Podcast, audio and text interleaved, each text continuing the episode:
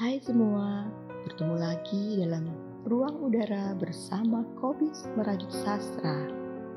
Seperti sebelum-sebelumnya, kami akan kembali mengisi ruang dengar Anda dengan cerita-cerita pendek pilihan setiap hari Sabtu dan Senin. Selamat mendengarkan.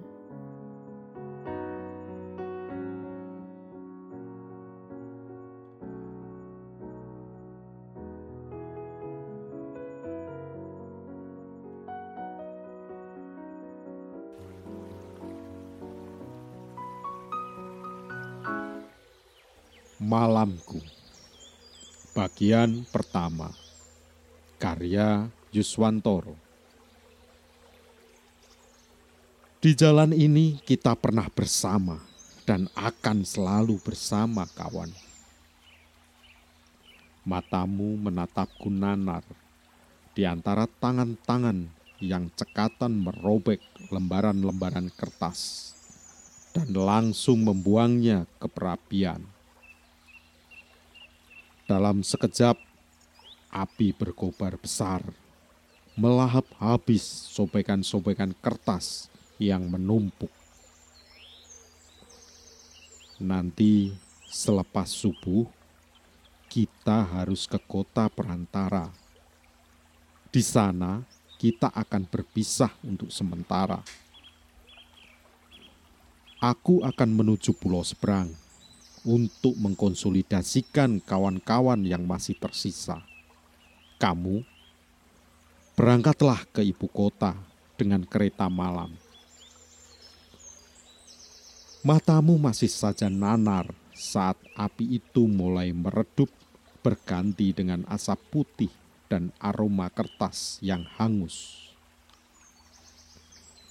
Kupandang wajahmu nyaris tak berkedip dingin, gelap malam menuju pagi. Membuat tubuh ini bergetar, meneriaki nasib yang tak tentu arah. Hanya tatapan matamu saja yang menyisakan hangat di gelap malam menjelang pagi itu. Api di halaman rumah kontrakan yang sempat dinyalakannya benar-benar telah padam. Berganti abu hitam berserakan tak tentu arah. Hangat perapian itu sirna dalam sekejap. Tubuhku terasa semakin menggigil. Hatiku masih saja menghadirkan tanya di tengah gelap menuju pagi. Aku berharap api itu masih menyala, menjaga hangat tubuh yang terus menggigil. Tapi api itu telah padam, berganti kembali dengan gelap. Kurasakan ada beberapa pasang mata di antara lorong-lorong gelap tempat kami berlindung di antara pekat malam menjelang pagi. Dan beku udara yang terus menusuk hingga tulang sumsum. -sum. Jangan jadi peragu dan penakut lagi. Abaikan pikiran kosongmu. Jangan lagi kamu isi hatimu dengan ketakutan-ketakutan jalan kita ini menuju pagi, di mana matahari akan bersinar terang dan menghangatkan tubuh kita semua. Kata-katamu meluncur setengah berbisik di dekat daun telingaku, menghembuskan nafasmu yang terasa hangat.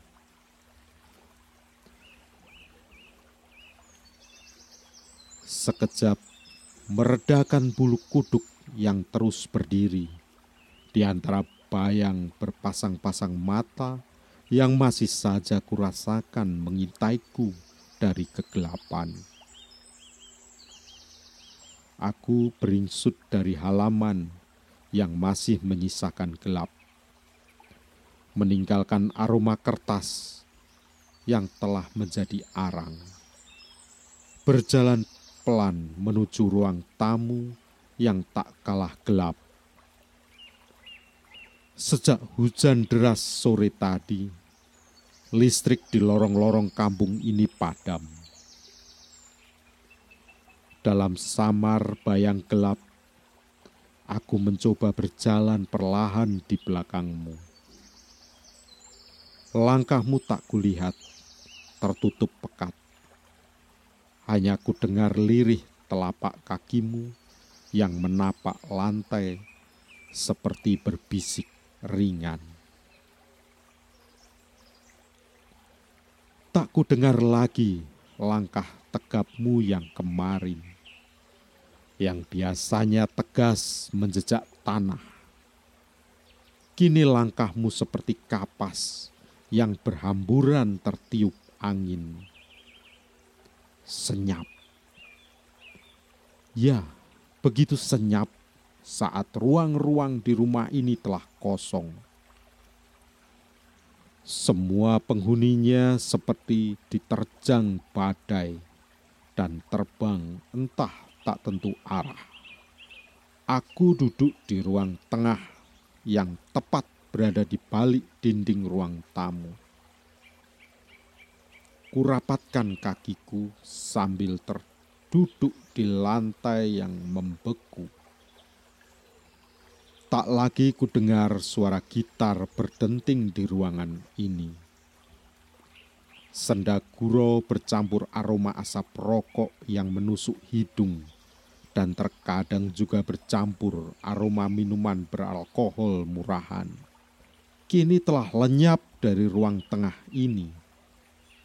Berganti beku, sunyi, gelap, dan mungkin ketakutanku yang terus berkejaran.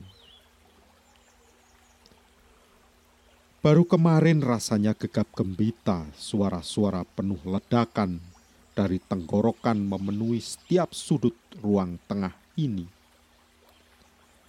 Mata-mata penuh tatapan tajam sering kulihat hadir di ruangan ini mereka kurasakan menghadirkan nyala dan nyali hingga ruang tengah ini selalu terasa hangat.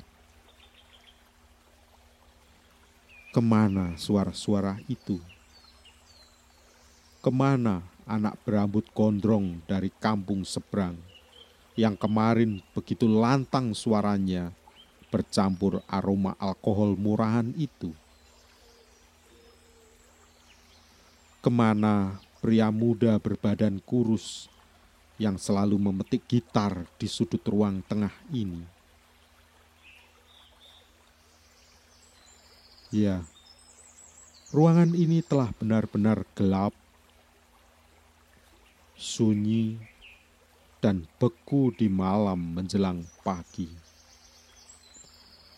Tak seperti kemarin yang selalu gegap gembita penuh sesak nyanyian bernada sumbang untuk sebuah perlawanan. Tak kulihat lagi gadis berambut ikal yang kemarin duduk di dinding yang memisahkan dua daun pintu kamar itu. Di ruang tengah ini memang terhubung langsung dengan dua kamar yang tak pernah ditempati untuk merebahkan badan. Ah, iya, gadis itu kemarin duduk di situ. Rambutnya ikal, diikatnya dengan kain bandana merah. Beberapa kali dia berbicara rocoh saja di antara sesak nyanyian sumbang perlawanan. Dia keluarkan semua teori-teori analisanya Gadis yang aneh pikirku. Katanya dia anak kedokteran dari kampus sebelah. Tapi pemuda gondrong yang nafasnya selalu menebarkan aroma alkohol murahan itu sering mengingatkanku untuk berhati-hati dengan gadis itu. Bung, kau naksir ya sama gadis itu? Hati-hati, Bung. Kalau tidak ingin hatimu dipatok ular berbisa. Pemuda gondrong itu selalu terbahak dan menghamburkan aroma naga dari mulutnya. Bung, kau masih baru di sini. Aku ini sudah makan asam garam di sini. Bung, dia anak tentara. Kalau Bung masih nekat dekati dia, siap-siap saja isi kepala Bung meledak dan otak Bung berhamburan di ujung lorong sana. Bung, bapak gadis itu punya pistol. Pelurunya tajam.